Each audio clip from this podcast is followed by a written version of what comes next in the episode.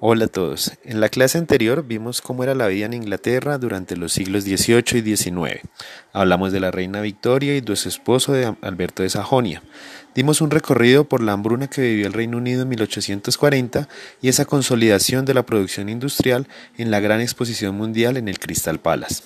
Hoy vamos a devolvernos unos años atrás y vamos a ver cómo era la agricultura antes de la revolución industrial, desde su auge en el neolítico hasta su punto más alto de evolución en el siglo XVIII. La revolución agraria en Gran Bretaña. Siglo XVIII. Unos años antes del inicio de la revolución industrial, en una de las zonas rurales de Inglaterra se encuentra John, un joven campesino que trabaja en la recolección de trigo y otros productos al servicio de uno de los terratenientes más poderosos de Inglaterra. John ve con asombro cómo en los últimos años se ha venido mejorando las técnicas de producción. Han incursionado nuevos mecanismos para arar la tierra y para procesar el grano que sale de las grandes cosechas. John vive lo que se considera como una revolución agraria en los últimos años.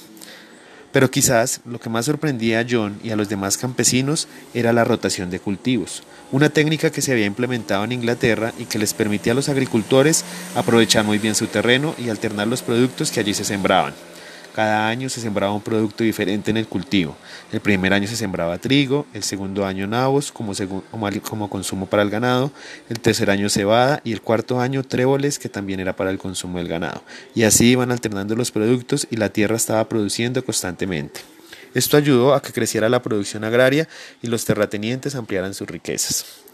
La agricultura parecía estar en su auge, era la cúspide de una actividad humana que comenzó hace aproximadamente 15.000 años, cuando el ser humano pasó de recolectar alimentos y cazar animales para su sustento a cultivar y aprovechar la tierra.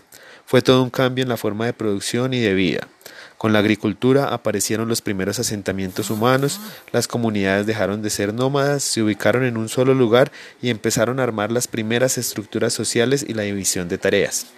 Con la agricultura aparecieron los artesanos, los políticos y administradores y los sacerdotes y guerreros que se encargaban de mantener el orden social. Durante los siglos de la Edad Media y la Edad Antigua, el ser humano había basado su producción en la agricultura. Con la aparición de nuevos dispositivos y la rotación de cultivos, parecía que esta técnica de producción llegaba a su punto más alto en el siglo XVIII. Sin embargo, John, ese campesino británico, veía con temor cómo el poder del terrateniente iba creciendo y la rotación de cultivos alargaba sus jornadas de trabajo, no le garantizaba los suficientes ingresos económicos. John había escuchado que en la ciudad más cercana se estaba abriendo las grandes fábricas y que requerían de mucha mano de obra. Decidió partir de la zona rural y asentarse en la zona urbana. Al igual que John, fueron miles de campesinos que dejaron sus tierras para dedicarse a la producción industrial en las grandes fábricas, propia de la revolución industrial. Cuando la producción agraria llegaba a su punto más alto, apareció la revolución industrial, y que en un futuro enfrentaría a terratenientes que defendían la agricultura y a los nuevos capitalistas dueños de las fábricas, que defendían esta nueva forma de generar riqueza basada en la producción con máquinas y el comercio de los productos.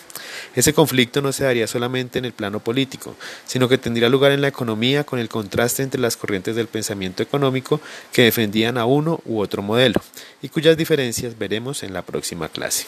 Hasta luego.